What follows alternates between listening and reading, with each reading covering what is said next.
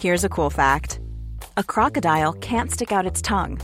Another cool fact you can get short term health insurance for a month or just under a year in some states. United Healthcare short term insurance plans are designed for people who are between jobs, coming off their parents' plan, or turning a side hustle into a full time gig. Underwritten by Golden Rule Insurance Company, they offer flexible, budget friendly coverage with access to a nationwide network of doctors and hospitals. Get more cool facts about United Healthcare short term plans at uh1.com. Here's a cool fact a crocodile can't stick out its tongue. Another cool fact you can get short term health insurance for a month or just under a year in some states. United Healthcare short term insurance plans are designed for people who are between jobs, coming off their parents' plan, or turning a side hustle into a full time gig. Underwritten by Golden Rule Insurance Company, they offer flexible, budget friendly coverage with access to a nationwide network of doctors and hospitals. Get more cool facts about United Healthcare short term plans at uh1.com. Many of us have those stubborn pounds that seem impossible to lose, no matter how good we eat or how hard we work out. My solution is PlushCare. PlushCare is a leading telehealth provider with doctors who are there for you day and night to partner with you in your weight loss journey. They can prescribe FDA-approved weight loss medications like Wagovi and Zepbound for those who qualify. Plus, they accept most insurance plans. To get started, visit plushcare.com slash weight loss. That's plushcare.com slash weight loss. Veckans sponsor är Telia. Hos Telia samlar man mobil, bredband, IT-support, mobilväxel, allt som gör företagande enkelt. Och det är just det här att samla allt på ett ställe, att ha någon att vända sig till när det inte fungerar, det är Telia. Ett exempel på vad som inte är Telia, det är ju som när jag lyckas boka förmötet för en poddinspelning med Finansinspektionen till efter själva inspelningstillfället.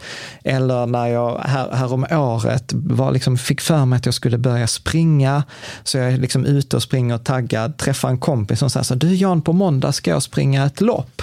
Och jag känner så här, ja men det låter inspirerande, så jag käkar pasta, jag byter om, tar mig ner till Malmö stadion för att göra en efteranmälan, står där i kön och sen så när jag liksom anmäler mig så tittar de på mig och säger så här, du Jan, vårhuset är bara till för kvinnor.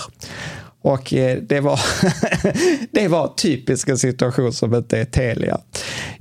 Oavsett, ett stort tack till Telia som sponsrar, gör Rika Tillsammans möjligt, men framför allt tack till dig som lyssnar, följer och eh, hänger med oss varje vecka. Jo, men i valet mellan då bunden och rörlig ränta så gillar jag det lite annorlunda perspektivet. att Tänka att bunden ränta är en försäkring mot arbetslöshet, medan rörlig ränta är en försäkring mot inflation. Och sen så får man som vanligt titta på de emotionella och de rationella argumenten. Du lyssnar på Rika Tillsammans-podden som handlar om allt som är roligt med privatekonomi. I den här podden får du varje vecka ta del av konkreta tips, råd, verktyg och inspiration för att ta ditt sparande och din privatekonomi till nästa nivå på ett enkelt sätt. Vi som gör den här podden heter Jan och Caroline Bolmesson. Varmt välkommen till Rika Tillsammans-kanalen på Youtube som handlar om allt som är roligt med privatekonomi. Vårt mål är att du varje vecka ska få konkreta tips, råd och inspiration för att ta din privatekonomi, ditt sparande till nästa nivå på ett enkelt och på ett roligt sätt. Jag heter Jan Bolmesson och detta är min fru Caroline. Hej!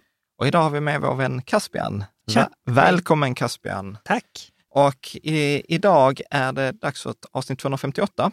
Eh, och jag tänker att vi ska prata om eh, frågor och svar. Precis, precis. Det, Från forumet? ja, Nej, Nej. faktiskt inte. Nej. ja, Vi tog inte in frågor på forumet för att eh, de på forumet har ett forum att ställa frågor på. ja det, det är ju typ det enda forumet. Ja, men alla- precis. precis. Ja, Så typ. den här gången tog vi Facebook och Instagram. Mm. Det ska bli Mm. jätteroligt. Vi har ju inte fått frågorna i förväg, utan detta är Caspian har liksom smugit med dem. lite. Precis, precis. Så, Toppen. så att detta ska bli jättekul. Spännande. Mm. Jag tänker jag säger redan nu i början, jag har anony- anonymiserat alla frågorna. Mm. Så att har man ställt en fråga så behöver man inte vara orolig för att namnet tas upp. Ja, Detta är Nej. Anders Bengtsson, 27 år, i Malmö. Det är inte han som ställer frågan, Nej, det är nej hans men kompis. precis. Jag har inte kollat upp folks IP-adresser. jag har inte gjort något sånt. Eh, jag tänker att vi hoppar rätt in i det. Mm. Ja, Är, Mm. är ni redo? Taggade? Ja. Ja, ja lite Ni ser, ni ser fruktansvärt nervösa ut Nej, men det för du ser så lite illmarig ut, så tänker jag så nu kommer det komma något sånt där. Nej, men Jag det är vet här, inte. Nej, men grejen är så här, vi har en blandning, vi har blandning av tekniska frågor, vi har lite, lite så här personliga frågor, lite, eh, ja men som vanligt, som alla frågor och svar, Ja. avsnitt, att det är Ja. högt och Mm. lågt. Liksom. Ja. Mm. Ehm, Och man blir inte utvärderad på frågan heller. Men Johan, den som ställer den eller den som svarar på den. vad menar du med utvärderad? Nej, men jag tänkte det, så, om jag skulle bara skämta till det. Det, det blev Ja, fast dåligt. ändå är det inte ett skämt. Nej, för man kan ju bli utvärderad. Det är klart man inte blir. Det är klart man inte blir. Rätt eller fel? Ja. Jag tror, jag tror Caroline fick med en pik här riktad mot mig. Allt Och mycket... mot mig själv. Alltså jag, vill ju, jag har ju också prestationsångest alltid. Typ. Ja. Ja. Men, Nu, gör vi, nu kör vi. Vi, vi bara kör. Mm. Ehm, första frågan. Varför ska man ombalansera i sin portfölj? Ni säger ju samtidigt att man, att man inte ska röra pengarna. Hur ska man tänka? ja. Mm.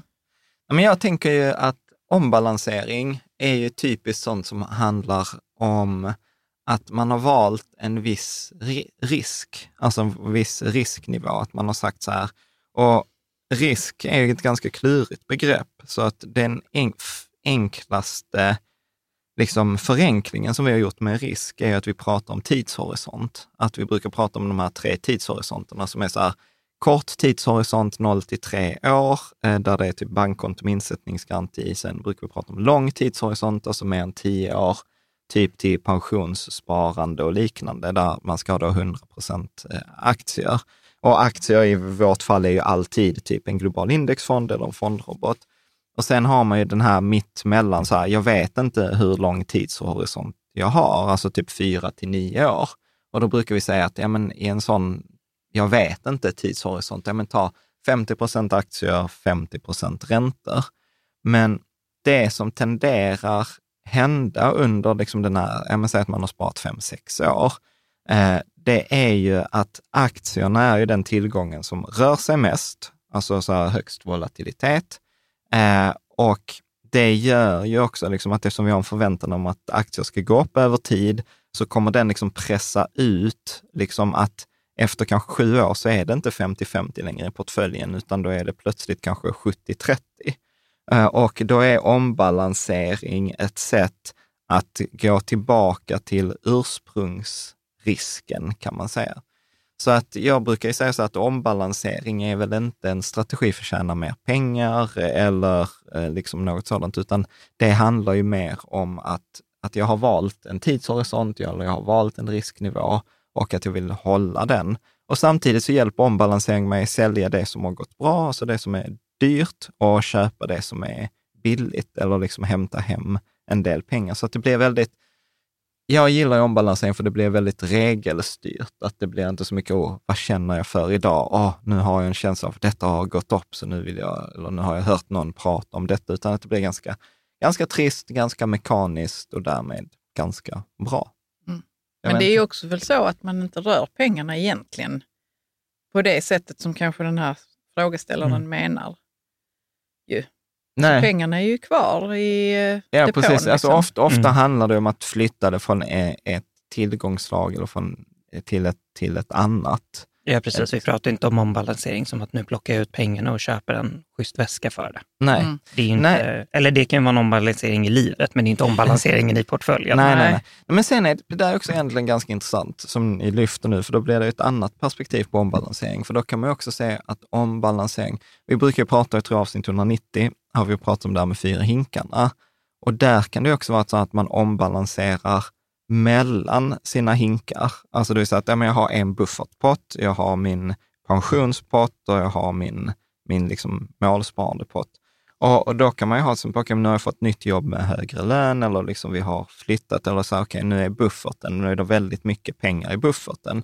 Ja, men då blir det egentligen också ett slags ombalansering. Att, ja, men jag har sagt att jag bara ska ha tre månadslöner eller en månadslön. Nu är det mer. Okej, då ombalanserar, då flyttar jag pengar från buffertpotten till den långsiktiga sparandepotten. Eller om man är i pension så går man åt andra hållet eller närmar sig pensionen. Då flyttar jag från pensionspotten till den potten som jag ska använda inom fem år och sen kan jag flytta till buffertpotten. Så att Mm. ombalansering eh, handlar ju helt enkelt om att flytta runt pengar för att jag ska komma i linje med mina mål eller min strategi för att liksom, eh, pengarnas andel förändras.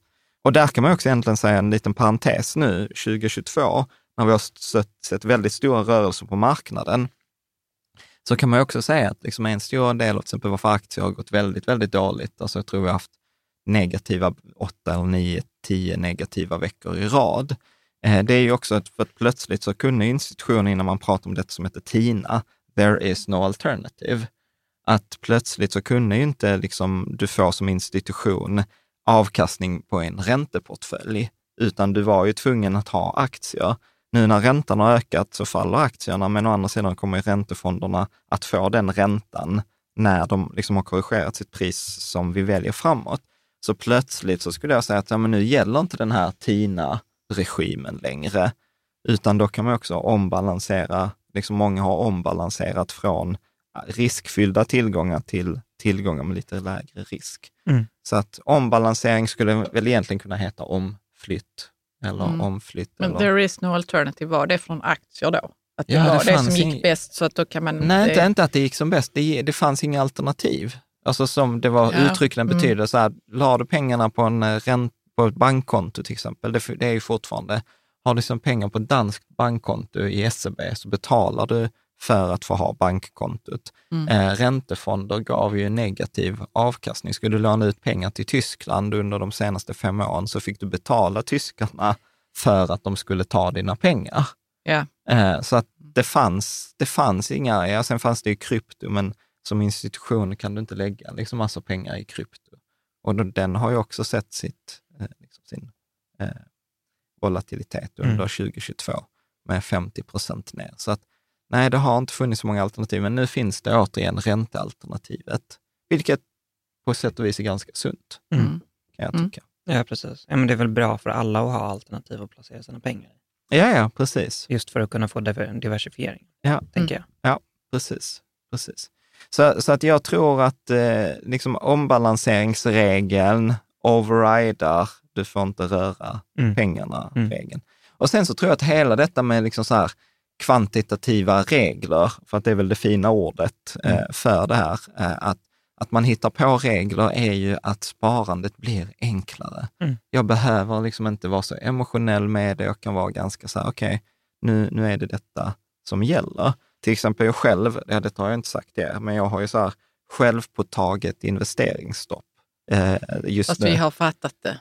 Ja, så, ja, ja, det var väl efter avsnittet med Moa här. När, Åh, fan. ja, när hon sa, ja, men du, så här, du var med i det avsnittet. Jo, Ja, det var det. det vet jag. Men jag tycker det framgick att du hade Nej, liksom men så att man kunde, omväl, tillbaks lite. man kunde omvälja, eh, liksom jag omvalde mina Ja, aktieindexfonder. Att Jag var ju där lite och dribblade Mm. i enskilda aktier i forumet, vilket tog väldigt mycket liksom, emotionell energi, särskilt eftersom den positionen blev lite för stor Mm. emotionellt. Mm. Eh, Så att vi konstaterade att jag hade gjort, gjort rätt matematiskt rationellt, men jag hade inte tagit hänsyn till att så här, är denna positionen inom mitt emotionella självförtroende. Mm. Så att eh, då har jag tagit på så här investerings... Allt som inte heter Lysa, den här Mm. fondroboten vi gillar, allt som inte heter global indexfond, typ Länsförsäkringar Global eller Avanza Global, eller plus alla bolag Sverige som är indexfonder i Sverige. Så det är det enda jag får investera i just nu. Ja, men det låter rimligt.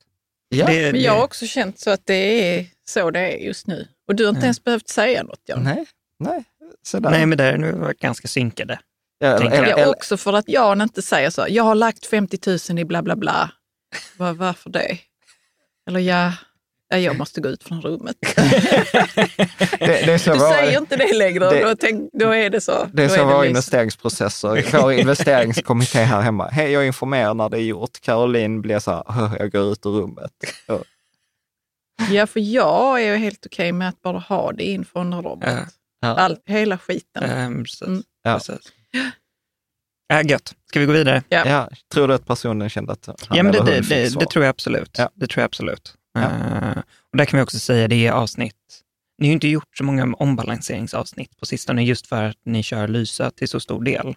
Och där blir det automa- gjort automatiskt, Mm, det är ja. perfekt. Och det är ju liksom en, antingen eh, Lysa då eller Avanza Auto 6 eller Mm. något sånt här. Där, där väljer man ju den här risknivån och så blir det automatiskt. Har man till exempel Sjunde AP-fonden i sitt PPM-sparande som jag påstår alla borde ha, eh, då händer det också automatiskt.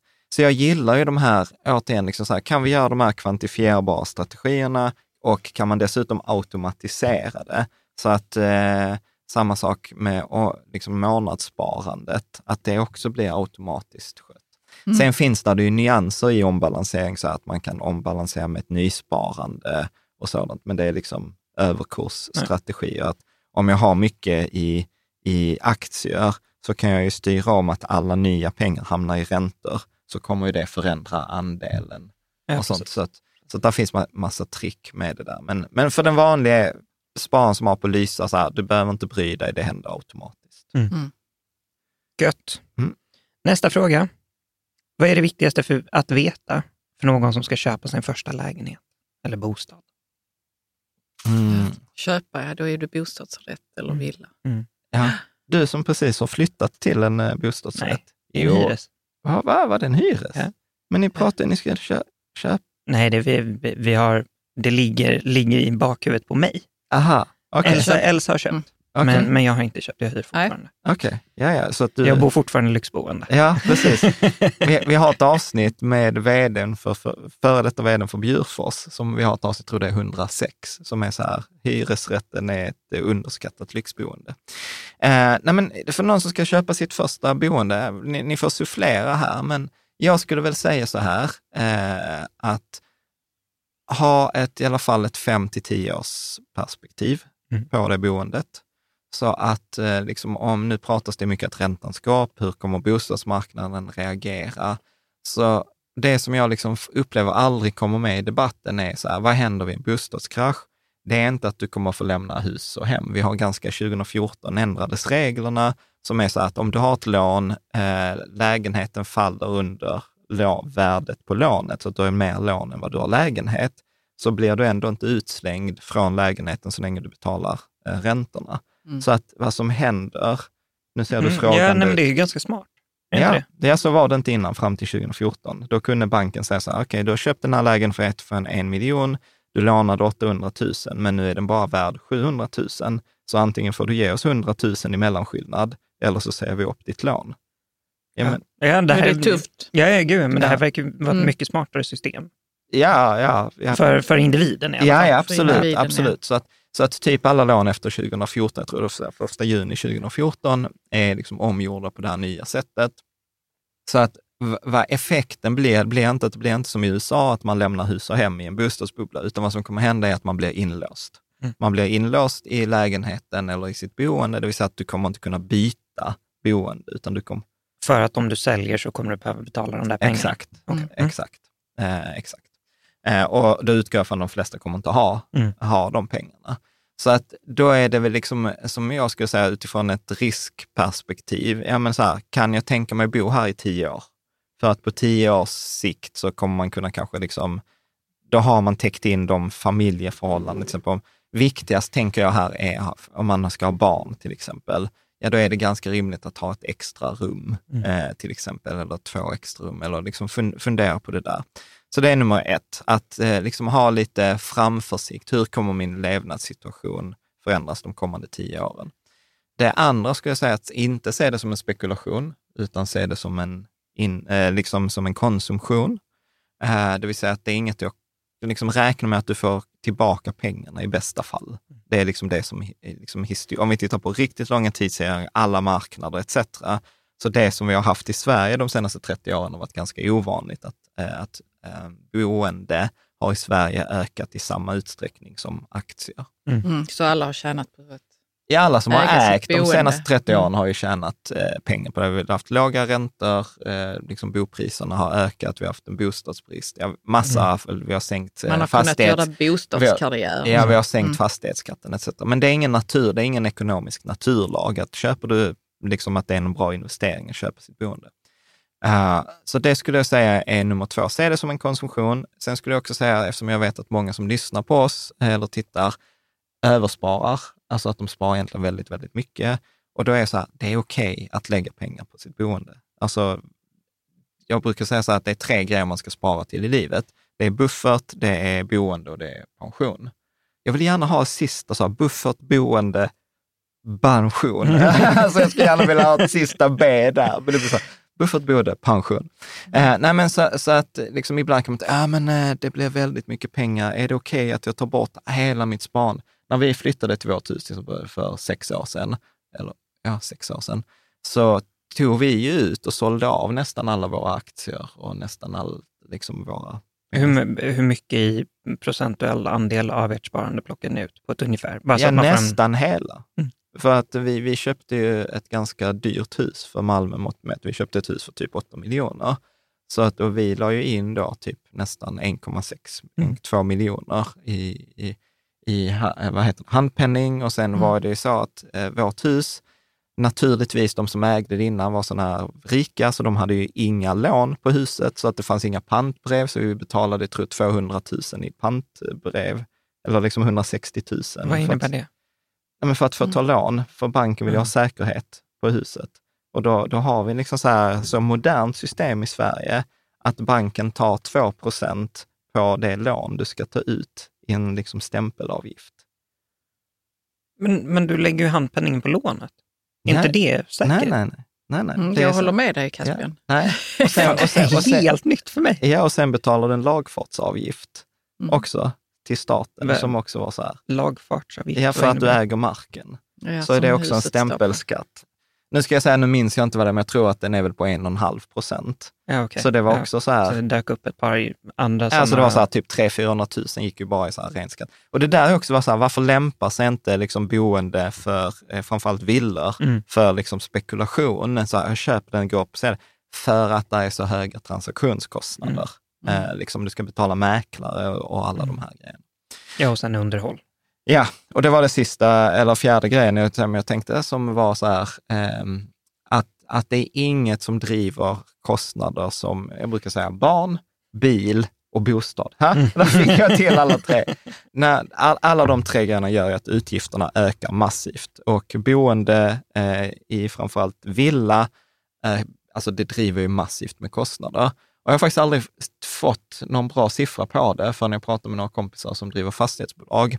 Och då sa de så här, räkna 2% av värdet i årligt underhåll, mm. vilket är ganska bisarrt. Så vårt hus då, alltså så här, som 8 miljoner, 2% är 160 000. Mm. Och om vi ska vara krassa, de senaste åren, så, så har vi lagt runt 100 000, 150 000 i underhåll mm. på huset. Allt från, ja, liksom fixa till grejer som går sönder, typ element och liksom, mm. eh, ja, fixa tak, Eh, fick, ja, massor. Så att, Lägg, sätta in fönster, ja. ja. Sätta in fönster, byta fönster. Ja, och lite någon gräsklippare som gick ja. sönder och sånt där. Jag blev träffad av gräsklipp, vår robotgräsklippare blev träffad av blixten. Den mådde inte så bra efteråt. De bytte moderkort i det, men den mådde fortfarande inte bra. Uh, nej men så att, och det där är ju liksom sånt som är sjukt lyx mm. i en hyreslägenhet. För där är det så här, du betalar ingenting och du har ingen ekonomisk risk. Medan vi sitter ju på en stor ekonomisk risk. Alltså, nu har ju de flesta bara helt diskonterat eller bara skitit i risken, för bostäder går ju alltid upp. Mm. Men, eh, är du klar med villa? Jag tänker också bostadsrättsföreningens ja. ekonomi. Mm. Där är det också en risk. Ja, precis. Så att där sitter du, alltså en bostadsrätt, alltså jag är ju inget stort fan av bostadsrätter. Eh, Vad skönt att du säger det. Jag och Elsa har pratat så mycket om det. Ja, så berätta. Men, nej, men vi har bråkat som fan om just, om just bostad. Jag tycker det är helt absurt att jag ska betala asmycket pengar för att få rätten att bo någonstans. Ja. Det, det är en sån tankevurpa för mig att det är helt sjukt. Ja, ja precis. Alltså det, det är ju som att du äger en liten aktie i en aktieklubb tillsammans med dina grannar. Ja, med, med människor som absolut inte kan förvalta aktier. Ja. ja. Mm. Nödvändigtvis. Ja, precis. Nej, precis. Nu, nu, är det, nu, är det, nu är det för sig handen på hjärtat mindre slump mm. i att förvalta en bostadsrättsförening än förvalta aktier. Men, men ja, du sitter ju tillsammans med dina, dina grannar. Mm. Eh, och man ska förvalta. Sen är det ju många som tar hjälp av liksom HSB, Riksbyggen och, och sådant. Så att, men kolla upp föreningen. Det finns, alltså nu hade jag... Alla BRF. Alla BRF, eh, precis. Man kan, där man kan kolla upp, man kan få hjälp. Eh, För vad är det man behöver hjälp med? Alltså att analysera, analysera hur föreningens ekonomi ser ut. Hur ser underhållsplanen ut? Vad händer om hur mycket belånad är den per kvadratmeter? till exempel om, om räntan höjs, så vad som kommer hända för de flesta är att man har ju ofta ett eget lån på bostadsrätten. Ja. Men sen har du en avgift till föreningen och en ganska Mm. stor del av avgiften till föreningen är ju räntor som föreningen har.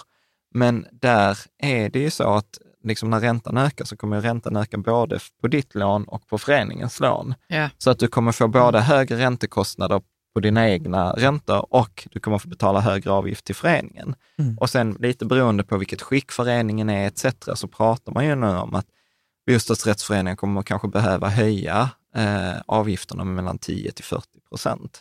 Så Det är ju sjukt alltså. Ja, Ja. Och, och det kommer i sin tur också leda till, gör ju att värdet på, eh, på bostadsrätterna faller ju också eftersom det blir inte liksom mindre attraktivt att bo där eftersom avgiften är högre.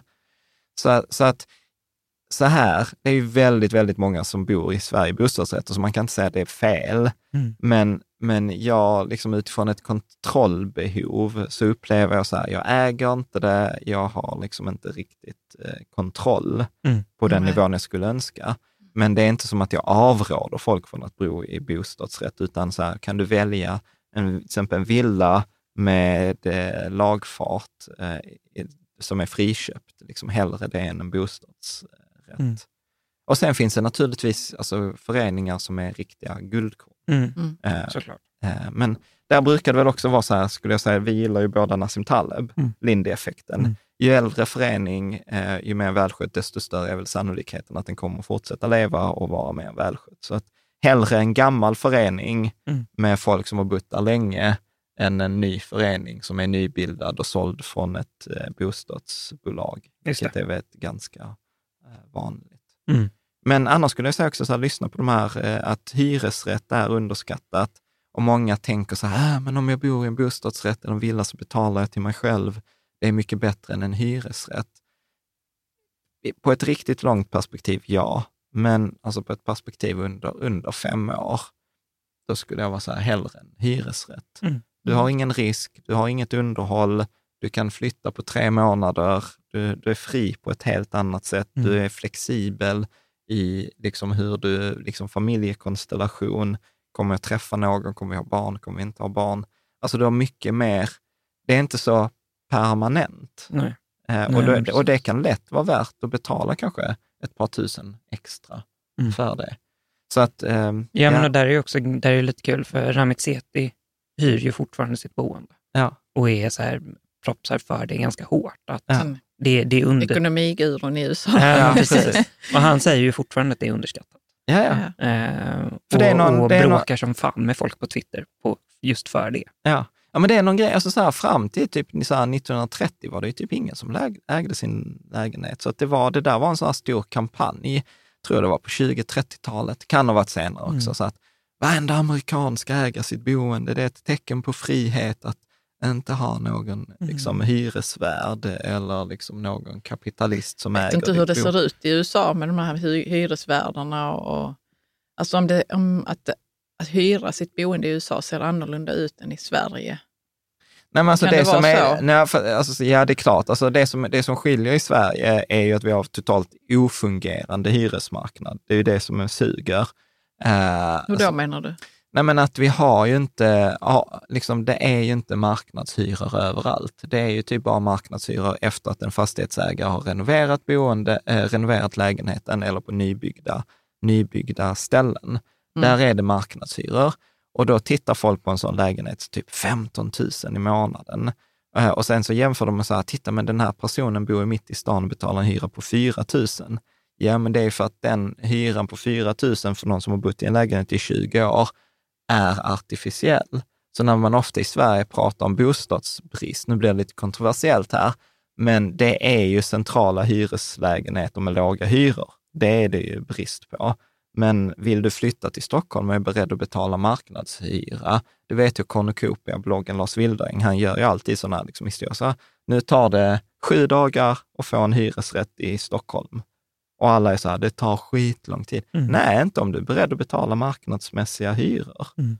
Eh, Men då har vi liksom, alla tycker så här, nej men det är så dyrt jämfört med bostadsrätten och bostadsrätten betalar till dig själv och du tjänar pengar. Så att value proposition, jag vet inte vad det är på svenska, men Mm. erbjudandet så här, du kan bo i en bostadsrätt, som är billigare och eh, du dessutom tjänar pengar på det versus betala marknadsmässig hyra som är mycket högre till någon annan, så känns inte det så himla attraktivt. Men vad vi inte har liksom konterat är så här, varför har du lägre boendekostnader på, eh, på bostadsrätten eller på villan? Jo, för att någon annan tar den ekonomiska risken. Mm. Och det tänker vi inte på. Att liksom hyres, fastighetsägaren sitter ju med hela ekonomiska risken om inte den blir uthyrd, Mm. om räntan ökar, om fastigheten faller i värde, om stammarna går sönder. Ja, det är jättemycket. Men, Hela risken är hos fastighetsägaren. Och, men den risken har väldigt få behövt betala för. Och, och det enda vi har hört dåligt är så här, liksom kinesiska muren Mm. i Malmö när bostadsrättsföreningen, men då var det liksom så här kriminella. Mm. Så, att, så att du har liksom, ingen har blivit bränd på plattan de senaste 30 åren i, i, i bostadsrätt. Liksom. Nej, men jag tänker också att det är ju eh, en klick som kan betala väldigt höga hyror. Det är det ju. Mm. Och då får man ju rätta, vad ska man säga, rätta eh, matsäcken efter munnen. Eller Mm. vad är Nej, det fast nu det där är? också inte Jag tänker sant. att om du är undersköterska, Ja. då bor du ju inte i en sån hyreslägenhet. Då kanske du bor en bit utanför stan. Och, alltså du har en, ett helt annat... Ja, men det där är ett annat problem. Det där är ett Ja. problem att... Liksom jo, men det är det som kommer komma in här. Alla kan faktiskt inte bla bla bla. Eller hur? Ja, ja, Ja. absolut. Eh, Och så är det ju om jag hade varit undersköterska och liksom eh, inte kunnat betala 15 000 i, i hyra. Ja. Ja. men då hade jag ju inte gjort det heller. Jag hade ju bott någon annanstans Ja, då i en och- annan hyreslägenhet. Och Eller en en, bit annan ort. bort Ja. förmodligen. och, precis, och det där är ju ett politiskt problem. Mm. Att, att alla som ska jobba i en stad har snart inte råd att bo i Mm. staden, utan de enda som har råd att bo i Stockholm är typ liksom högbetalda De som, jobbade programmerare. på de som jobbade på Klarna. Ja, Till till exempel. Ja. Men vi, behöver, vi behöver inte klippa bort detta om Klarna, för jag tycker det är faktiskt väldigt bra. För att det är faktiskt en grej där. Största risken också då, eh, för detta är sånt här råd jag har gett historiskt, som jag glömde bort nu. Eh, Bästa försäkringen mot en bostadskrasch är ju att eh, liksom investera i sin relation. Mm. Det är ju ofta det som skiter sig. När, när ekonomi skiter sig för folk i Sverige, så är det ofta liksom skilsmässa eller arbetslöshet. För det blir påfrestande. Ja, men för att du måste, så här, du sitter Eh. i den här inlåsta lägenheten och så Mm. sitter du inlåst med en person du inte liksom längre vill leva med. Mm. Och då behöver man ju, då- overrider det emotionella så här, det är inte liksom, och så säljer man, för man tänker så här, okej, men nu gillar vi inte varandra, men det är ekonomiskt ofördelaktigt att sälja just nu så att vi bor här tillsammans i tre år till i den här lägenheten. Eh, Det och låter sen sunt. Ja, och, och, och du vet, så här, vi skrattar lite åt det. Tyvärr är det en realitet för vissa. Så jag Liksom. skrattar inte. Jag Nej. tänker så, varför gillar ni inte varandra längre då? Är det det du menar med att man måste investera i sin relation hela tiden? Ja, Så att man, slipper- fortsätter så att att- gilla varandra? Ja, så att man ja, för slipper. oftast är det något man har skitit i Ja. att ta i någon konflikt eller whatever, liksom, Ja. som gör att man inte gillar varandra längre. Ja, jo, men, Värderingar som inte är samkörda eller vad, Ja, vad det nu kan vara. ja, absolut. Det är som när jag gick den där kursen, eh, en personlig utvecklingskurs, och så är det liksom så här, ska man berätta varför man är där. Och så har vi typ Ulf, 55, som är bara så här, hej, jag heter Ulf, jag har skilt mig för tredje gången. Eh, Jag har haft eh, samma problem med alla tre kvinnorna, så nu tänker jag att det kanske handlar om mig. Ja, men det, jag tycker det är fint. Ja, det är superfint. verkligen. Fan, Det är så- bra att det kom Ja, nu. bra. Liksom. Ja, ja, Ja, ja, det var skitbra för Ulf. Man kan Nej, men- själv vara problemet ibland. Ja, Mm. nej men eh, så, så att det där är väl skitbra och, och, och liksom eh, kolla eh, just arbetslöshet. Och där kan det ju också vara bra med så här försäkringar. Alltså så att man har inkomstförsäkring eller man har så här arbetslöshetsförsäkring eller liksom liknande, Mm. gre- liknande grejer. Men, jag- men jag tänkte återkoppla det sista på det du säger, Caroline, att ja, det är ju problematiskt att, att hyrorna är så höga att de med vanliga arbeten inte kan, kan bo där. Och det är det jag menar, jag kommer ihåg att jag träffade en statssekreterare vid ett tillfälle, så pratade vi om bostadskrisen och så sa hon så här, ja, alltså det finns ju typ två sätt att förstöra en stad. Det ena är en atombomb och det andra är hyresreglering. Ja, Mm. Som vi har nu. som vi har. Eh, Och vad menar hon då med det? Nej, men precis det här, att, Mm. det, att det blir väldigt, väldigt svårt för, för många. Eh, Berätta nu vidare, för nu har vi ju hyresreglering. Ja. ja, och det är ju det här att vi har de nya lägenheterna som är tillgängliga med hyror. Det är Mm. väldigt höga De är hyror. väldigt höga de. Ja. Mm. Vissa lägenheter har väldigt låga hyror, så att då blir det ingen omflyttning, för att om jag flyttar därifrån så kommer jag aldrig få samma låga hyra. Och så har du ingen rörlighet Nej. liksom, på marknaden. Det, det, den andra problematiken är ju att, att vi jämför, att vi har haft den här perioden med låga bostads, eh, eller låga räntor, så att då har ju det artificiellt, det du har betalat för en bostadsrätt, har varit så mycket lägre än det du har betalat för en hyresrätt. Mm. Men om räntan Mm. går upp till 7 procent så kommer ju liksom inte hyrorna kommer inte öka med 7 procent. Mm. Eller till 7, liksom till 7. Ja, men hyrorna kommer inte öka Mm. från dagens till liksom fem gånger Mm. hyran för att räntan ökar med fem gånger. För den risken tar ju fastighetsägaren. Mm. Medan om räntan ökar från 1 till 4 procent, ja då kommer ränteutgiften bli fyra gånger högre. Så att På bostads, bostadsrätts... på bostadsrätterna. Mm. Så att de där hyrorna på 10, 12, 15 000 för en stor lägenhet är inte så orealistiska som de först kan tro, för att det var en bostadsrätt med en normalränta hade kunnat kosta också om du summerar högre räntekostnader för föreningen och högre räntekostnader för privatpersonen. Så att det där... Det där var ju jävligt skönt att höra. Vadå? Nej, men för att alla mina kompisar äger ju sina boenden. Mm.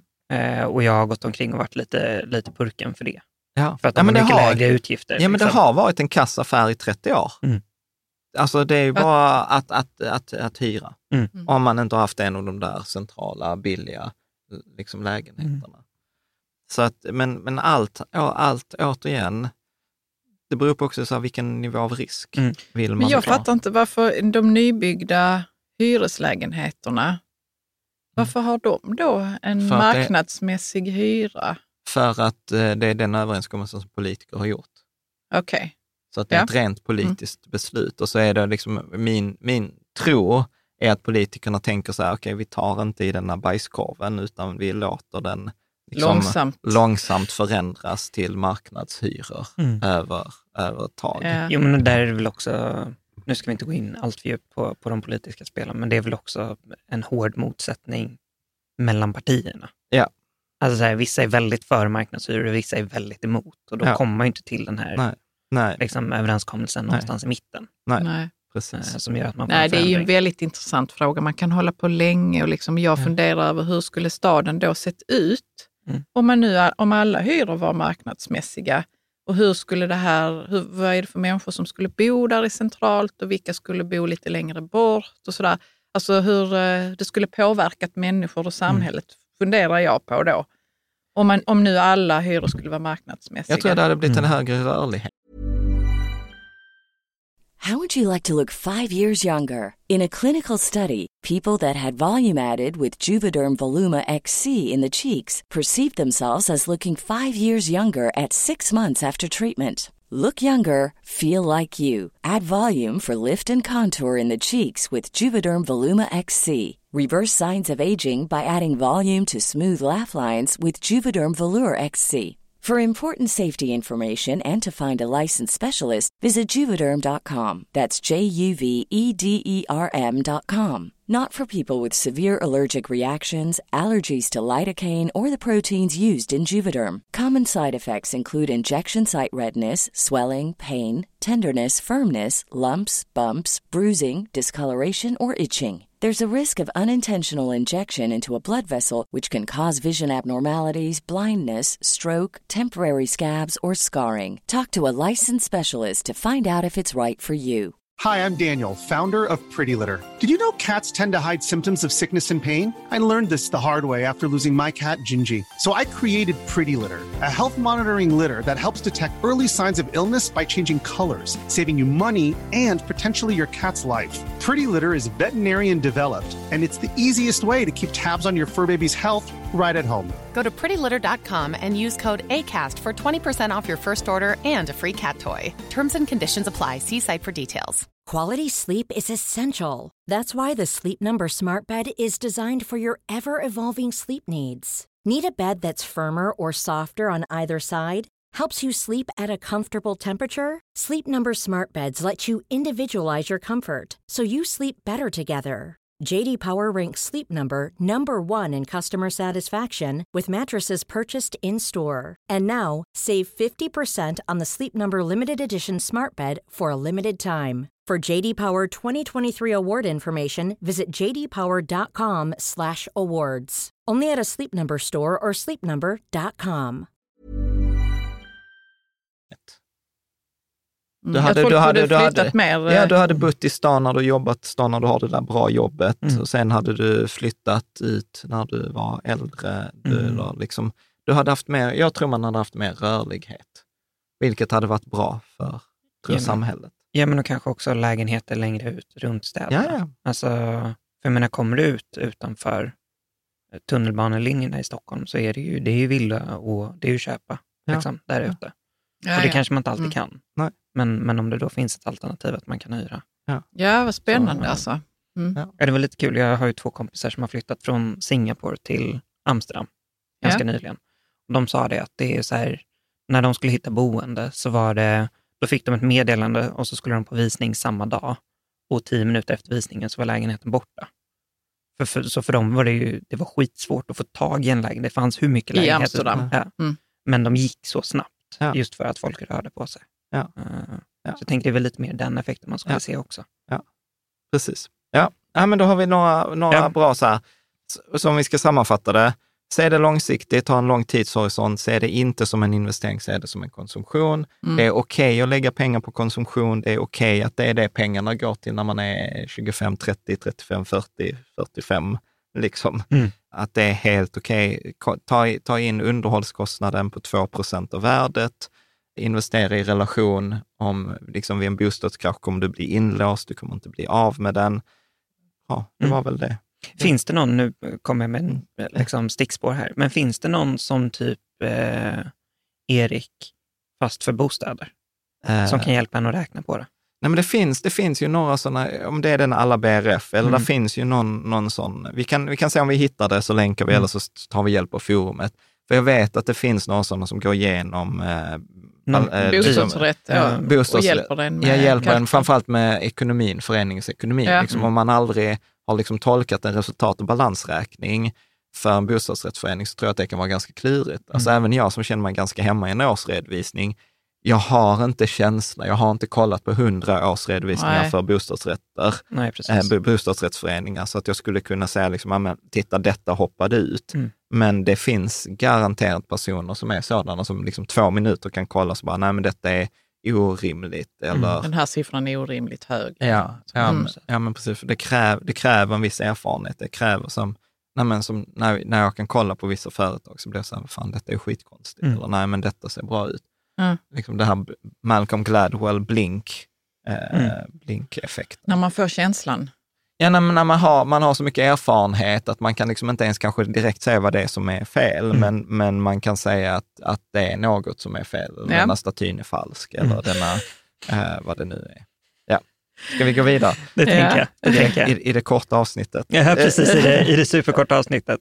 Eh, den har vi faktiskt pratat om. Investerade en större summa pengar i Lysa för cirka ett och ett halvt år sedan. Ja. Då behövde jag inte pengarna på lång sikt. Men nu har min livssituation ändrats och jag tittar på att köpa hus och då behöver jag pengarna till kontantinsatsen.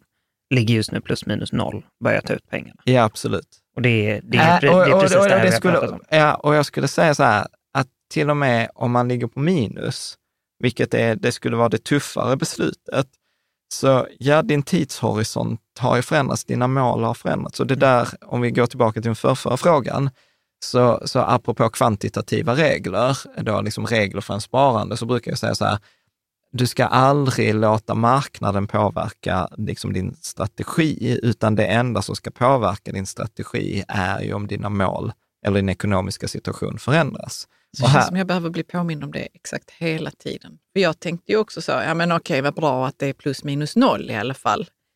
Och sen Mm. tar du det, men även om man är Ja, för att det, minus, det, den har förändrat, det, var, är- det var ett felaktigt beslut. Om du Mm. hade stått där idag igen och haft pengarna utanför Lysa och du hade haft eh, liksom horisont, okej, om jag ska köpa boende inom några månader, ska jag, köpa, ska jag lägga in pengarna på Lysa eller ska jag ha dem på ett bankkonto?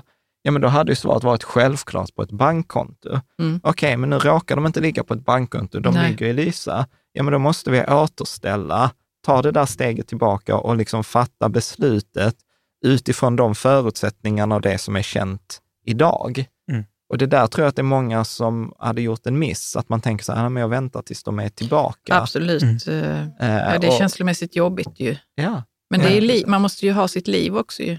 Ja, men återigen, och där är det inte heller någon mening, utan där skulle jag ju säga liksom den här, jag gillar ju sån här after action review. Okej, liksom säga, okej, vad var det som funkade, vad var det som inte funkade? Och då hade jag gått tillbaka säga, när jag investerade för ett och ett halvt år sedan, hur såg den processen ut? Gjorde jag en fuck-up för ett och ett halvt år sedan? Eller var det korrekt? För ett och ett halvt år sedan så tänkte jag så här, nej men detta är långsiktigt, jag kommer inte behöva, min livssituation har inte förändrats. Ja, men då var det korrekt. Ja, då är det korrekt. Ja, du hade oflyt. Mm. Sorry, det var inte fel på ditt beslut för ett och ett halvt år sedan. Du hade bara oflyt och du kan inte utvärdera ett beslut på, liksom på utfallet, utan du måste kolla på processen. Mm. Och nu behöver vi göra om processen för att förutsättningarna har ändrats. Mm. Ja. Liksom, Underbart, det kan man göra. Vad sa du att det hette, det här after eh, action review? After action review, Det ja. får vi göra mer John. Alltså, ja, Med det är, allt möjligt i livet. Ja, men det tänker jag också att det... Fan det, vad bra, alltså när man har avslutat något så bara, nu tittar vi tillbaks här. Vad var besluten Ja. som ledde fram till att vi gjorde det? Var det bra? Rätt Ja, beslut? ja, du, har inte du en sån eh, lista Jo. hur man gör after action? Jo, alltså eh, det är grejen är så det är fyra frågor. ja? Alltså detta är snutt från Niklas Delmar, som jag tror snutt är från amerikanska militären. Eh, som var så här, okej, vad var målet? Eller så här, eh, lyckades vi med målet? Eh, vad kan vi göra? Vad gick, som gick, vad gick enligt plan och vad gick inte enligt plan? Mm. Det är så här, vad var målet? Nådde vi målet? Vad gick bättre? Vad gick sämre? Kän, känns som att Carro kommer, kommer prova det här på allt. Ja, jag kommer här, prova det på allting. Jag blev helt tårögd. Vi gick Det här var så fantastiskt. Vi Det gick till ICA. Ja, jag gick till. ICA. Fick jag med mig det som jag skulle? Nej, Ja. Men vad- vad- vad- det var mer än jag skulle. Alltså det är jättebra Jan. Ja. Men alltså, vi kan ju göra det på allting. Det är bara att jag tycker att det är så härligt att prata om processer. Ja. Och så gör du och jag inte det tillräckligt, tycker Nej. jag. Ja. Men nu kommer du och säger att man behöver prata om processen. och då blir jag lite tårögd Alltså, och liksom glad. okej. Ja. Ja. Bra. Precis, Caspian hamnar mitt i ett terapisamtal. Nej, men det var ett bra terapisamtal. Ja, ja, absolut. absolut. absolut. Ja, så att, Jag håller ju med. ja, och det kan Mm. man göra liksom på allt eh, möjligt. Liksom. Jag vet till exempel, vi jobbar ju till exempel i andra projekt tillsammans där vi ska ha ett så här, bara vi fick inte iväg ett nyhetsbrev Nej. i, i, i den dead, inom den deadline som vi hade sagt. Ja, men då kan man ju titta, okej, så vad är det vi kan göra liksom, bättre? Ja, Men, men, men liksom det, så det som man måste återigen komma ihåg, påverkas mitt utfall av slump eller inte? Alltså Mm. att ett Ja, nyhetsbrevsutskick påverkas inte jättemycket av slump. Så där finns ganska mycket att lära. Mm. Äh, Huruvida jag placerar mina pengar eller inte påverkas, liksom resultatet, hur det går, påverkas väldigt mycket av slump. Precis. Mm. precis. Mm. Ja, schysst. Ja. Ta nästa fråga. Ja. Ska man ha bunden eller rörlig ränta? Det blir mycket, mycket bostad nu. Ska man ha bunden eller rörlig ränta med tanke på dagens inflation och räntehöjningar? Alltså jag gillar ju eh, Paolo Sodini, Mm. professor på Handelshögskolan, där han sa så här, bunden ränta är en försäkring mot arbetslöshet, rörlig ränta är en försäkring mot inflation. Och jag är så här, fan det är det mest briljanta svaret, men det kräver lite att man liksom skalar, skalar av det. Ja. Hur- hur- Kan du inte göra det då? Ja. Skala Ja. av det lite, eller så. Nej, det är en cliffhanger till nästa avsnitt. Man får Eh, fundera ut det själv, Ja, svaret. nej, men, men så här, bunden, bunden ränta är ju en slags försäkring. Eh, och precis som alla försäkringar så betalar du mer än vad du liksom får ut eh, av den. Annars hade ju inte försäkringsbolagen haft en affär.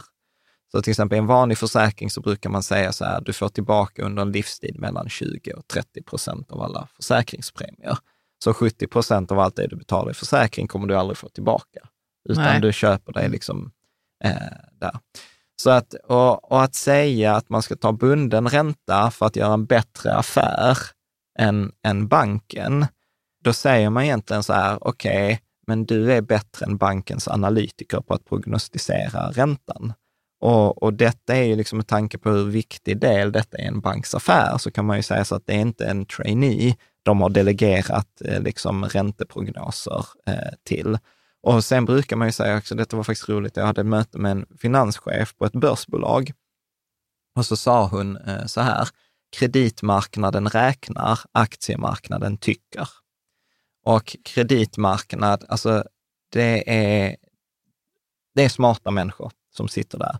Så att jag skulle säga så här, om du inte jobbar på räntemarknaden, sannolikheten att du ska göra ett bättre case kring framtida ränta än vad banken gör, det vill säga att du, att, det vill säga att du banken betalar till dig istället mm. för att du betalar till banken, den sannolikheten är extremt låg. Mm. Fast samtidigt vill de ju göra en affär också.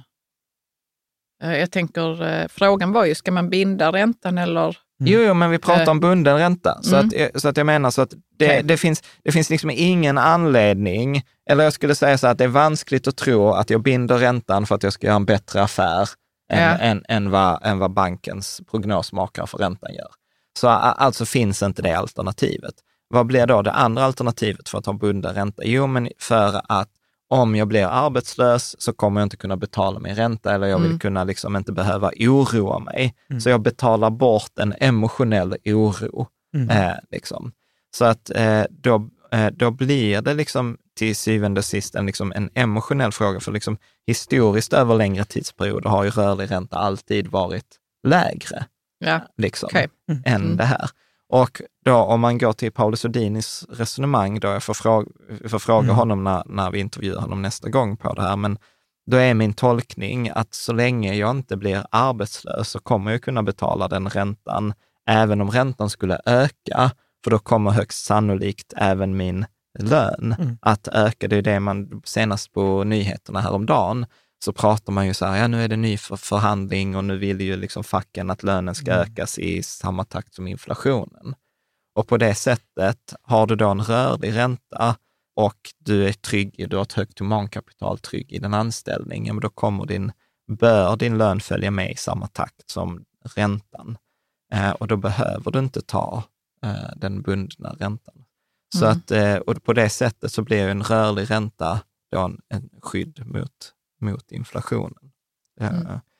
Men eh, ja, så att jag, jag, skulle säga så här att, att jämför det, liksom det, det, det finns, jag, jag skulle säga att det finns väldigt få rationella argument för en bunden ränta, utan det är mest emotionellt. Det enda rationella argumentet för en bunden ränta, det är ju typ så här att, eh, ja men jag vet, jag, jag Klarna, jag kan mm. få sparken mm. eller så här då blir det tufft, jag har ingen buffert. Mm. Då är det bättre, så okay, men det blir väldigt enkelt att göra buff, eh, budget för de kommande fem åren med en bunden ränta. Mm. Rörlig ränta blir ju klurigare, mm. men över tid kommer det vara enklare. Och, och sen så skulle jag säga det sista som är klurigt med det där, är ju att vi är ju lite dumma i huvudet. För att man kan jämföra detta med rörligt och bundet elpris, eh, ja. som är lite samma grej. Eh, där rör, rörligt elpris har alltid varit bättre, billigare än bundet. Om vi tar så här, när vi flyttade hit, då tog vi rörligt, eh, rörligt elpris och i fem år har vi tjänat på det. Ganska mycket pengar i förhållande till att ha bundet elpris. Förutom då vintern 2022, eh, eller förlåt, 2021. Alla vintrar väl? Nej, 2021, 2022. Vinter, vinter, 2021. Ja, vintern mm. 2021 då vi plötsligt bara liksom så här, eh, vårt elbolag dunkar in en elräkning på 18 000. Och då kände jag ju mig som världens loser. Varför hade vi inte bundet elpris? För att då tittar du ju här och nu mm. på den där räkningen på 18 000 och du tänker inte så här, ja, vi har bott här i, i sex år, eh, som är då 72 månader och vi har förmodligen tjänat eh, 500 kronor i månaden, vi har förmodligen tjänat 36 000. Tjänat och tjänat, sparat, ja, sparat menar du? Mm. Sparat, sparat 36 000 och nu hämtade marknaden hem 15 av de 36 000 så att vi är bara 21 000. Alltså Plus. den matten gör man ju inte när man får eh, fakturan på, eller jag gör inte det när jag får fakturan på 18 000. Men du har ju gjort den, verkar det som ändå. Ja, men nu. Nu, ja. När man är... I, I after action reviewn. Ja, men ja. ja, precis. Eh, och, och det blir också så här, värsta är ju liksom så här, om man, om man ska vara krass, Alltså när man skulle bundit räntan, det var ju typ för ett år sedan i så fall. Mm. Det är ju inte, alltså, nej, det men känns samband med vintern? Nej, det, nej men nej, precis. Nej, på bo, bolånet. På bolånet. Ja. Ja. ja eh, precis. Så, så, att, så att det är väl en relativt hög risk också att man binder vid precis fel tillfälle. Mm. Men, men jag har liksom ingen, jag vill inte ge någon vy på räntehöjningar. Alltså det finns massa undersökningar på professorer som ger vyer på räntehöjningar. Mm. För det är ganska roligt med en räntehöjning, för att det finns bara tre lägen för en ränta. Den kan gå ner, den kan gå upp och den kan vara oförändrad. Eh, Så att statistiskt borde du ha 33 procent sannolikhet. Mm. Och det är roligt att de som förutsäger räntor har i genomsnitt 23 procent rätt. Liksom. Så att, eh, ja. Vad, vad sa du nu? Att de som förutsäger? Ja, Mm. Du, sa, experter du som... menar de som räknar, de på kreditmarknaden? Nej, de som förutspår. Nej, de, de, De som, som försöker förutspår, förutspå äh, räntebanor. Alltså de här med Aftonbladet plus ja, ja, ja. Ja, förutom Jag att de råkar vara professorer och nobelpristagare Ja, ja, ja, och men- sånt. Eh, För vi pratar ju precis om att de räknar så mycket och att de är smarta människor. Ja, när och du sett när banken räknar, när de räknar vilka marginaler de som ska, Mm. de, de Mm. behöver inte ha rätt. Nej. Alltså att räntan går upp fem, fem eller räntan går ner. Går räntan ner, grattis, vår marginal ökar. Är Mm. räntan oförändrad, grattis, vår marginal ökar. Mm. Eh, för att eh, vi tog höjd för en högre ränta. Mm. Så det är jäkla skillnad på att räkna och förutspå. Mm. Och du sitter Bra. ju på fel sida, när, för du kan inte räkna, för det är banken som bestämmer. Mm. Så om deras tes är den kommer vara oförändrad, men vi kan ha fel, så vi höjer för att ta höjd för att vi har fel. Mm. Det kan du inte göra när du sitter på andra sidan. Nej, precis. Nej. Det som däremot, förlåt, det sista mitt rant här. Det som jag däremot tycker är intressant, som jag är väldigt så här fascinerad över att denna produkten inte finns, men förmodligen för att den är komplex, det är ju så att man hade ju velat ha en produkt som säger så här, rörlig ränta upp till 3,5 procent och sen binds det på 3,5 procent. Med? Så, Mm, att, så att man kan mm. i en ekonomi, Ja, så att säga, kan- ja, ja, så att mm. man kan säga så här, okej, vårt worst case för räntekostnader låser vi på 3,5 procent. Det klarar vi i vår ekonomi, men fram till 3,5 procent har vi rörligt. Mm. Typ Och- som en stopploss. Ja, precis. Och rent finansiellt eller liksom så här finansiellt strukturellt så är det en ganska enkel produkt att Mm. göra. Men det är typ ingen bank som erbjuder, erbjuder det. Det är ju lite konstigt. Det, det hade ju förmodligen varit väldigt lukrativt dessutom. Varför är det det? Jag fattar inte varför Nej, men det är här, om, lukrativt. om, om, För det är du bäst av har, båda världar. om du har rörlig ränta Ja. och så går den upp till 3,5 procent och så säger banken, ja, men vi kan, vi kan eh, binda räntan på tre år nu. Alltså, Eh, du får- ja, och du då säger- tjänar de ju också på det. Ja, så precis. är det. Ja, precis. Du Mm. säger så här, de kommande fem åren kommer du aldrig ha en ränta över 3,5 procent. Mm. Så du har hela nedsidan, liksom om räntan går ner, förlåt, det var Mm. fel sagt. Om räntan går ner, fine, då tjänar du pengar som om du hade rörlig ränta. Men om räntan går, liksom sticker iväg det man egentligen vill försäkra sig för, den Ja. där outline, Ja. ja. men då är det ett tak. Så du kommer aldrig betala mer än 3,5. Nej, procent. precis. Och så får de ta en avgift på det. Ja, och så tar de en tiden. lite lägre avgift Ja. än om det var bundet Precis. redan nu. Ja, ska vi starta bank? Ja, prata med de folk som vi känner. Du ser så fundersam ut. Nej. Eh, Caroline. Nej, men jag tror jag fattar det. Det svaret betyder nej. Bara att du sa samma sak igen.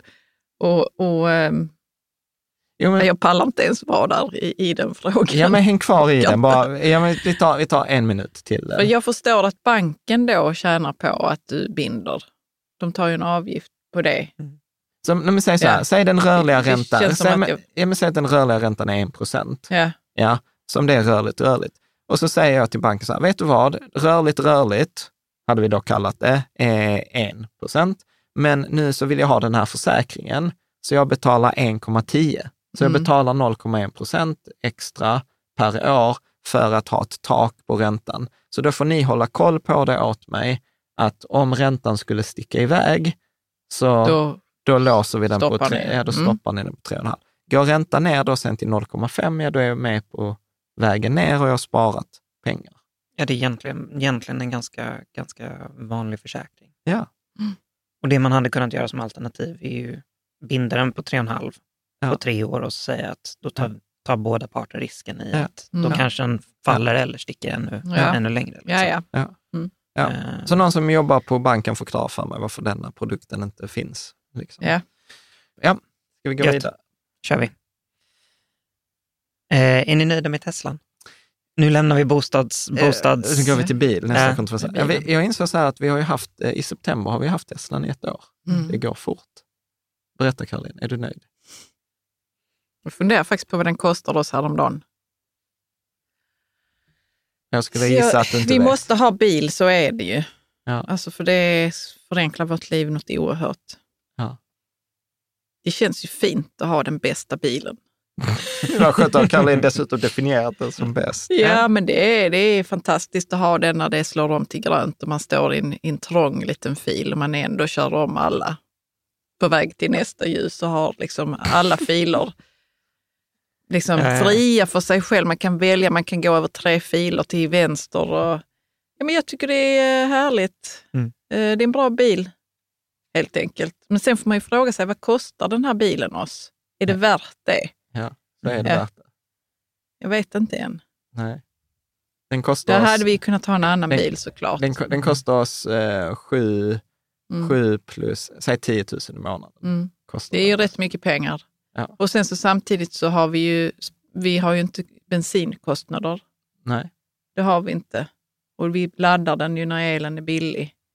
Ja. Och vi har inte det här klimatpåverkan för varje dag användningen, Ja. ja. jag säga, som Ja. man har på en helt vanlig bensinbil.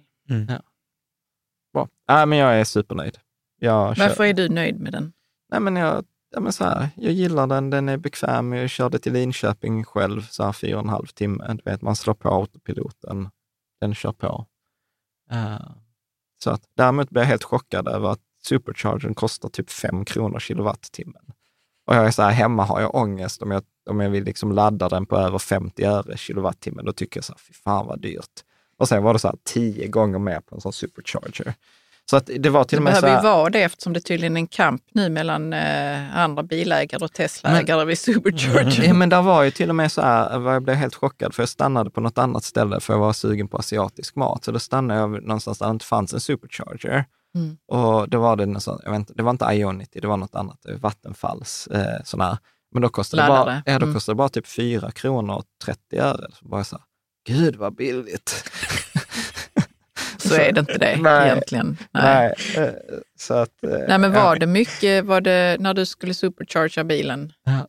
upp till Linköping, Ja. var det då många som stod där eller hur nej. var det? Nej, inte alls. Nej, men Nej. Vi, är super, vi är supernöjda, ångrar inte det. Ekonomiskt kassaffär såklart.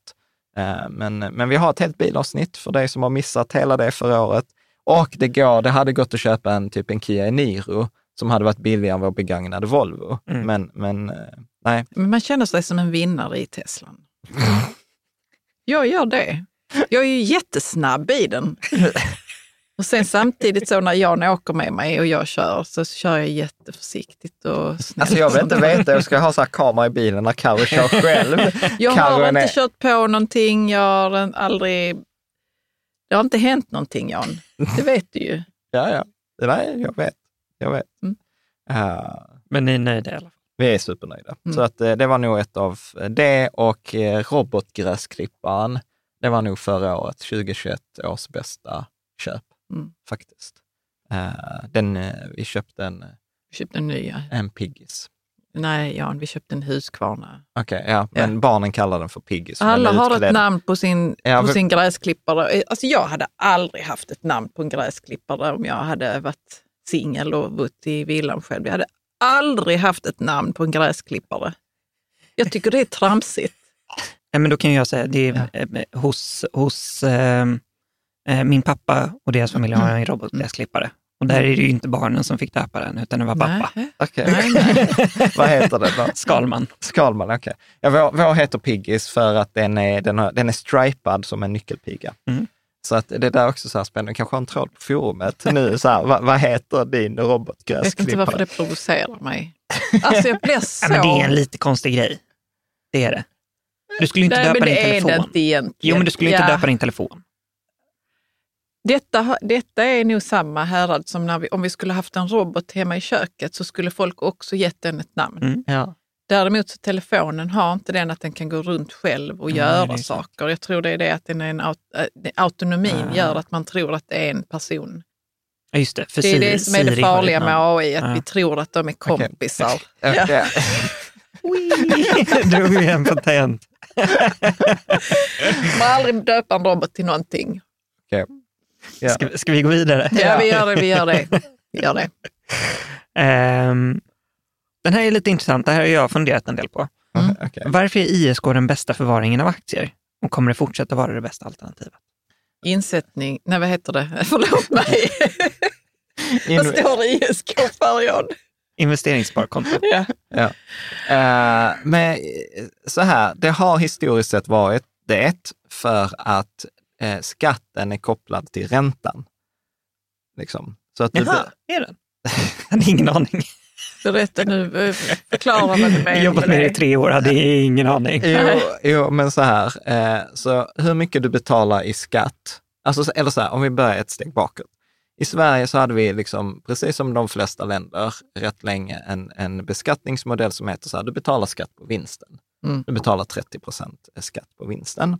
Och sedan för ett antal år sedan så införde man liksom något som heter kapitalförsäkring och det var väl egentligen liksom ett så här skattetrick att genom att jag inte äger aktierna utan försäkringsbolaget äger aktierna så kunde de utnyttja liksom vissa skatteeffekter och då blev det att du betalade skatt på hela beloppet istället. Så att du hade valet betala 30 procent skatt på vinsten eller 1 procent, eh, liksom, eller en skatt på hela beloppet. Så tror man att aktierna ska gå upp asmycket så är kapitalförsäkringen... Ja, och då kan man, då kan man börja räkna på detta beroende på liksom, liksom mekaniken.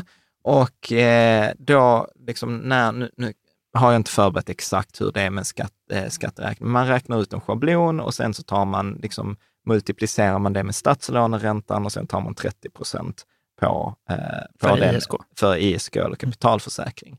Och då blir det till exempel nettot, eh, när vi då har nu eh, 2022, att du betalar 0,4 procent, 0,375 procent skatt på hela beloppet. Och då är det extremt lönsamt. Men om den här räntan går upp så kan det ju hända att ISK blir kanske 2, 3, 4 procent eh, liksom i skatt på beloppet. Mm. Och då är det plötsligt inte lönsamt längre, för då är det billigare att betala 30 procent på vinsten än betala 2-3 procent på hela beloppet. Mm. Med? Så att, så att där är liksom en brytgräns mellan vilken avkastning förväntar du dig på det du har i ISK och vad är statslåneräntan?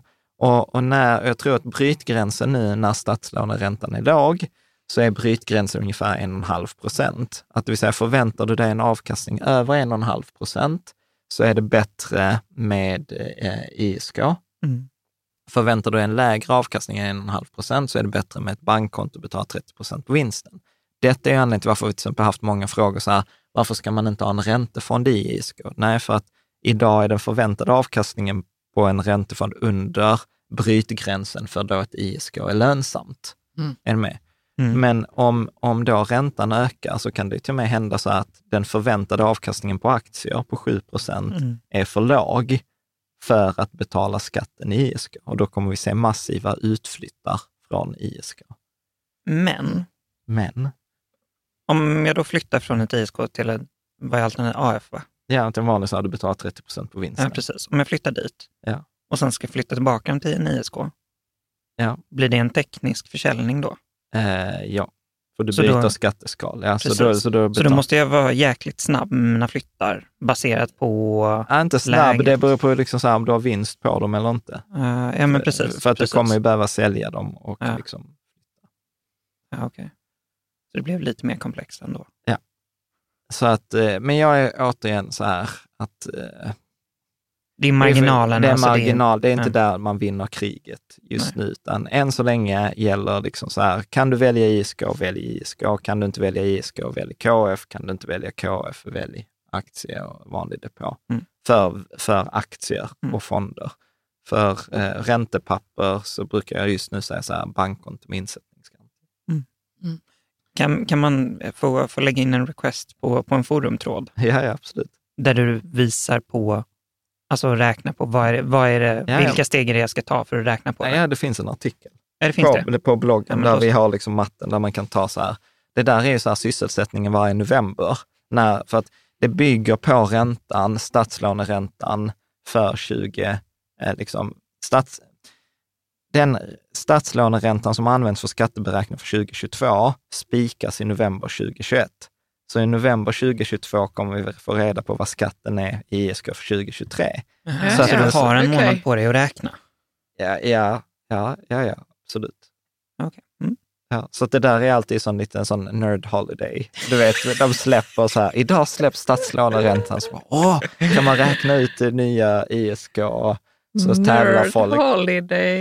Åh. Jag tror det är så 11 november eller något sånt. Det brukar vara något sånt. Elfte, elfte. Ja, jag vet inte, jag, det, jag har bara, det var en sån här känsla, så här början av november eller slutet. Ja, faktiskt. Står inte i kalendern som... Nej, det Nej, har du inte man- lagt in nej, i så här svenska alltid- helgdagar? Man kan alltid kolla på någon annan och sen har man alltid en Excel-snurra, så bara byter man. Liksom. Ja. Det är alltid någon Men som har apropå fångat... det, har du en alternativ kalender någonstans John? Där du har liksom eh, Nerd Holidays. här ekonomi. Ja, Nej. jag förstår att du inte har det nu, men jag hade kunnat tänka mig att du hade det. Så alternativ kalender som inte är vår familjekalender och din. Utan där det Utan står jag lite i ekonomi. smyg. Nej, men, nej, ja, men när du, för du tänker så här, men det får inte plats där, alla sådana här... Eh, Nej, men jag ekonomi, följer, jag eh, följer ju inte det. Så här, heliga grejen är, grejen är, hänger man i forumet, har man så mycket kompisar och folk runt sig, så, alltså så här, man missar inte det. För att det är alltid någon som till exempel, åh, imorgon är det dags för räntebesked av Fed. Mm. Och jag bara, okej. Liksom, eh, och det visst, det kan man slå för det är så typ torsdagen varannan månad eller vad det är. Men, men grejen är så att det viktiga, det kommer till en. Det är liksom så här sippra, trickle up, eh, upplever jag. mm. Kan vi gå vidare nu? Varför var det så jobbigt för dig? för att grejen är så här, för detta är sånt där nörderi som jag är så här, jag är egentligen inte så intresserad, men jag råkar veta det. Och, Ja. och, och, och jag försöker inte lägga så mycket tid. Ja, men det är väl i, i, i det här Venn-diagrammet så, så är det det du är intresserad av, det du är duktig på, där ligger inte överlappet. Nej, nej, nej, precis, precis. Då går vi vidare. Okej. Ja. Bör man tänka på något särskilt om man är 50 plus när det kommer till investeringar? Ja, men jag skulle säga att det vanligaste misstaget 50 plus, det är att man tror att man har kort sparhorisont. Att man tänker så, ah, nu är jag gammal, nu har jag inte så lång tid på mig att spara. Jag skulle inte känt mig gammal när jag är 50. Nej, Jag men tänker där är ju folk som är så här, 40 nu ska jag- år till i livet minst. Ja, men det är det som jag tänker utifrån sparhorisont. Tänker folk så här, men nu är jag 60 och så tänker man så här, Ja. och så blir det någon magisk grej kring- pensionen och så tänker Mm. man så här, men du har, en, du har vissa pengar som har en 10-årshorisont även när du är 60. Du har vissa pengar som ska vara investerade på en 10-årshorisont även när du är 70. Alltså, eh, så, att, eh, så att det upplever jag att liksom i alla sådana här vetenskapliga studier och sånt, i ekonomi, så är man under 55 så är det typ ingen skillnad i strategi för en 55-åring som för en 25-åring. Att Man bör ligga med hög exponerad mot risk, man bör Mm. liksom ha pensionssparande, man bör göra massa andra grejer. Så att jag, jag skulle säga att jag skulle nog dra gränsen för typ vid 70. Mm. Ja, då bör du göra, börja göra liksom större förändringar om du inte har gjort det. Men, Ja, men det beror väl också på vad man tänker att man ska göra under pensionen. ja, ja, absolut. Om du ska åka på en världsturné när du är 65, ja, ja, dagen efter att du går på pension, ja men då kanske man ska Ja, absolut. liksom, absolut. ta höjd för det. Ja. Men, men i Absolut. övrigt, Mm. Ja.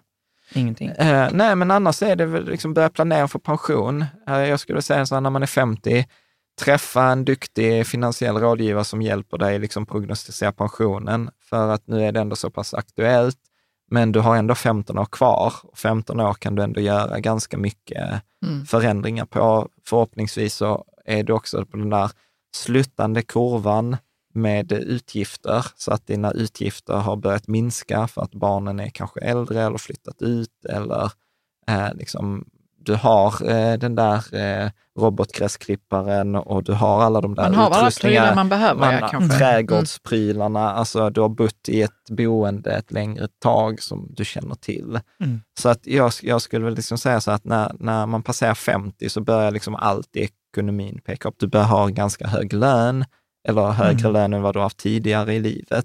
Så att det är ganska mycket som borde vara så här smooth ride från 50. Så att jag skulle väl ha så att 50 är väl ett bra depåstopp. Mm. Eh, att liksom träffa någon. Typ, jag tänker, nu hade vi ju så här avsnitt med Kollberg och Enquist, eh, Anders Kollberg. Nu har han ju gått, gått bort tyvärr. men något liknande. Man kan kolla Pensionsexpert alltså. Ja, men de, Mm. han hade ett bolag som hette Kollberg och Enquist. Jag tror hans kollegor fortfarande jobbar, men han var också äldre. K- Koen.se. Och då kunde man ju gå till dem och så betalade man dem ett par tusen och så gjorde de en analys. Så här mycket pengar kommer du ha ut, eh, etc. Och då kan man ju kolla på den, så här, är jag nöjd? Mm. Eller så här, nej, jag är inte nöjd. Ja, men bra, då har jag 15 år på mig att korrigera. Mm. Det betyder bättre att korrigera när du är 50 än när du är 60. Mm. Eh, Ja, precis. Och då hinner man öka månadssparandet. Ja, ja precis. precis. Exakt, Mm. exakt. Så, Ja. och återigen, alltså när du är 50, så du har, som du säger, 30 års liksom förväntad livslängd kvar, Mm. minst. Och förmodligen kommer bli ännu längre de kommande 10 åren. Precis. Mm. Eh, jag vet inte, tänker ni att det är något man borde tänka på som 50 Jag gillar ju ert tips att ställa sig i bostadskö. Ja, ja det precis. tycker jag är bra. Speciellt Ja, det är med bra. tanke på vad vi har Mycket pratat bra. om Man ja, kanske vill byta boende snart. Ja. Precis. Ja. Och med tanke på hur hyresmarknaden Ja. ser ut nu. Ja, och särskilt Mm. om man vill ha något så här specialboende, vill säga, men jag vill ha ett med liksom andra pensionärskompisar Mm. och liksom eh, reception och spa eller vad det kan vara. Liksom, lite Ja, precis. Om man vill bo på något sånt. Den Ja. typen av För där är också, där är eh, också väntetid. Ja, men på- precis. på sådana. Mm. precis. Mm. Uh, ja, nej, jag skulle väl säga så här, njuta mer Mm. när man är väl 50. Att, återigen, liksom så här, förmodligen har man sparat. Mm. Ja, sannolikheten är väl ganska hög. Så att utifrån det vi har pratat om innan, sannolikheten är väl väldigt hög för att du som lyssnar eller tittar på detta kommer dö med mer pengar än Mm. du har när du är liksom 60. Mm. Så Mm. att liksom passa på och liksom göra en plan, precis som du gör en plan för din pen- pension, gör en plan för din konsumtion. Mm. Vad vill du uppleva? Vad vill du äga? Vad vill du göra? Vem vill du bjuda? Alltså Ja. den typen av... Det är väl jättebra Precis. och kul. Men jag tänker hälsomässigt så är det då man ska göra en hälsoundersökning, en sån stor. Mm. Mm. För jag vill ju göra en för dig och mig Mm. hos några i Göteborg. Det kostade en massa tusen lappar och så sa de så ni kan komma tillbaka när ni är 50. Jag bara okej. Ja. Det är bra att veta Mm. att det är 50 som är ett bra depåstopp där också för hälsan. Liksom, Ja. Om det är så att Ja, men man så här vid behöver 50 är man väl någonting. halvvägs? Ja, Ja. liksom. ja. Ja. Ja, en stor bra. hälsoundersökning med alla scannings och Ja. eh, Mm. Ja, värden precis- i blodet och sånt. Precis. Så här, om vi ska ha en fördom, sannolikt den som lyssnar på detta kommer ha sitt ekonomiska liv in order. Ja, men liksom investera en del av det i liksom hälsokapitalet. Mm. Om man inte har gjort det innan. Men Ja. även om man har gjort det innan. Vi kommer ju åka på, till Göteborg när Alltså, klockan slår 50 för oss. Okej, det låter som ett hot. Ja, men det är det inte. Du och jag, vi behöver inte oroa oss för det. Kom igen. Nej, men och Nej. sen är det väl det, det jag skulle tänka, lite som Moa var inne på sist jag var här, Ja. eh, skaffa en hobby. Alltså så Ja. här, investera i, i, precis som ni säger. Skitbra Caspian, för att hon sa ju det att de som har lättast att gå över till pension sen, Precis. det är de som har någonting att göra utanför sitt jobb. Ja. Precis. Bra tänkt. Ja. Mm. Och sen tänka lite utanför boxen. Det är en sjukt spännande forumtråd just nu. Eh, som, när jag sa, vilken är det de Mm. pratar om? Erfarenhet av att leva FIRE i låglöneländer eller Den har lågkostnadsländer. jag helt missat. Ja. Ja, nej, men den, den kom nu bara för någon dag sedan. Ja, men då är det någon, eh, en person som var så här, nej men eh, jag är typ 51, eh, liksom, jag skilde mig eller så här och eh, så var jag så här, nej fuck it, jag flyttar typ till Thailand och Filippinerna och Mexiko. Så, att, så bor han liksom på så här olika ställen runt om i världen och så tror jag att han lever på 15 000 kronor eh, Okej, i så han jobbar inte utan han har liksom sin... eh, Ja, sin tjänste, eh, ja, lite sparade pengar och sen ska han ta tjänstepension och Ja. sånt. Mm. Och så bor Ja. han liksom så här, ja men den perioden av året bor jag på Filippinerna, den bor jag i Thailand, den bor jag i Mexiko. Och så har han liksom så här, ja Airbnb funkar dåligt för långtidsboenden och så har han massa erfarenheter. Så jag ska försöka Coolt. fixa en eh, intervju med honom, för det verkar ja, det verkar jättekul ju. Att få jättekul. höra. Och, och han är så här, jag pratar nästan, så var det någon som, ja, men hur gör du med barnen? Han bara, alltså jag pratar nog nästan mer med barnen nu Mm. än vad jag gjorde innan, liksom när vi bodde nära. Ja, men det kan jag också tänka är en effekt Ja. av det. Eh, och liksom sånt. Så att, nej, så att det är, ja, ja, men jag tror, jag har ändå tio, nio år kvar till 50. Det ska bli spännande. Vad? Nej, ingenting. Vad Tänkte du med eh, på tal om FIRE att bo i Mexiko eller? Ja, alltså jag har ju länge drivit tesen att, liksom så här, nu bor vi i Malmö, Ja. hade man gjort en lista med så här, du, har, du ska välja ut tio städer du ska bo på runt om i världen. alltså, det hade varit väldigt konstigt om Malmö kom upp på den bilden. Alltså, en, jag tror inte en amerikan som gör en lista på tio städer att bo på i världen kommer sätta Malmö i topp tio. Nej, om de inte vill jobba på typ Massive Entertainment eller någonting sånt Mm. där. Och då bor du ändå inte i Malmö, då tar du ett annat Massive kontor. De har inga fler, Okej då. tror jag inte. Ja, men det är väl Ja, Ubisoft. de kanske de har. Det är väl Ubisoft. Ja, Nej, men självklart Jan, men samtidigt så är ju Malmö fantastiskt och det finns ju en hel del eh, människor här i denna stan som gillar att bo här också. Ja, men jag gillar ju folk Malmö. som, är, som har flyttat från Stockholm hit. Om man ska nu Alltså, Som att det var något bevis på Ja, det någonting. tycker jag nog. Att de gillar att det Alltså är Stockholm hade nog inte här. heller hamnat på den listan, just saying. Liksom. Jo, det tror jag visst. För många hade det nog det. Ja, ja. Absolut. Stockholm är, Det är en väldigt väldigt vacker stad stad. med vattnet. Och... Absolut. Okej. Jag säger Men inte för vilka alla. städer Nej. är det som hamnar? Ja, är det vet typ inte. New York då? Nej. Är det så du tänker? Nej. Där ska jag bo i sex månader. Det, det har jag haft som ett sånt. Ja, säg Långtidsmål. Caspian har det på sin lista. Men det är ju också så här, jag gillar ju hiphop och stand-up. Då, då finns det en stad man åker till. Okej. Mm. Och det är, eller det finns två. Det är New York och det är LA. LA är jag inte jättesugen på. Vi får se. Nej. Vi får se. Jag återkommer. Det är väl något sånt vi får se när vi är 50. Eh, tänker jag. Så gör vi avsnitt om det då. Ni har Det lovar skanningen och sen flyger ni. Ja, ja, precis.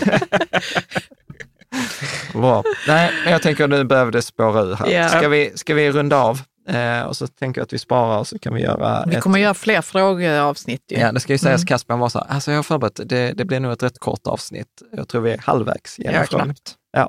Vad, vad är det för de andra frågor så att vi vet? eh, Ehm, lite om LF Global, Ja. eh, lite om SIA om framtiden, Ja. eh, krypto, ja. eh, lite om er. Ja, ja men det låter så. spännande. Mm. Men jag tänker så här, vi, ska vi hålla här? Mm. Vi håller här. Ja. Eh, liksom, och eh, vill, om man vill skriva frågor som man vill att vi tar upp, då, då är, detta är förbehållet dem på Instagram och Facebook. Precis. Ja. Precis. Eh, ni i forumet, ni har forum. Där har vi liksom så här, det hade inte gått plocka Ja, men och vi ska göra ett forumavsnitt. Ja, Så det, att det, ska, det, det, kommer kommer nu i sommar. Eh, Så här, bäst av forumet, det var, det var länge Ja, sedan. det var länge sedan. Det var länge sedan vi hade. Men jag tänker så här, ett fantastiskt stort tack Caspian Tack. för att du har förberett, för att du fixat. Stort tack till dig som har kommit in med frågor. Stort tack till dig som hänger i forumet och som gör att vi inte behöver vänta 30 avsnitt innan ett frågeavsnitt, utan vi har frågor och svar varje dag. Eh, Så att eh, jag tycker det är fantastiskt. Mm. Men eh, tack så mycket och så på, på återseende.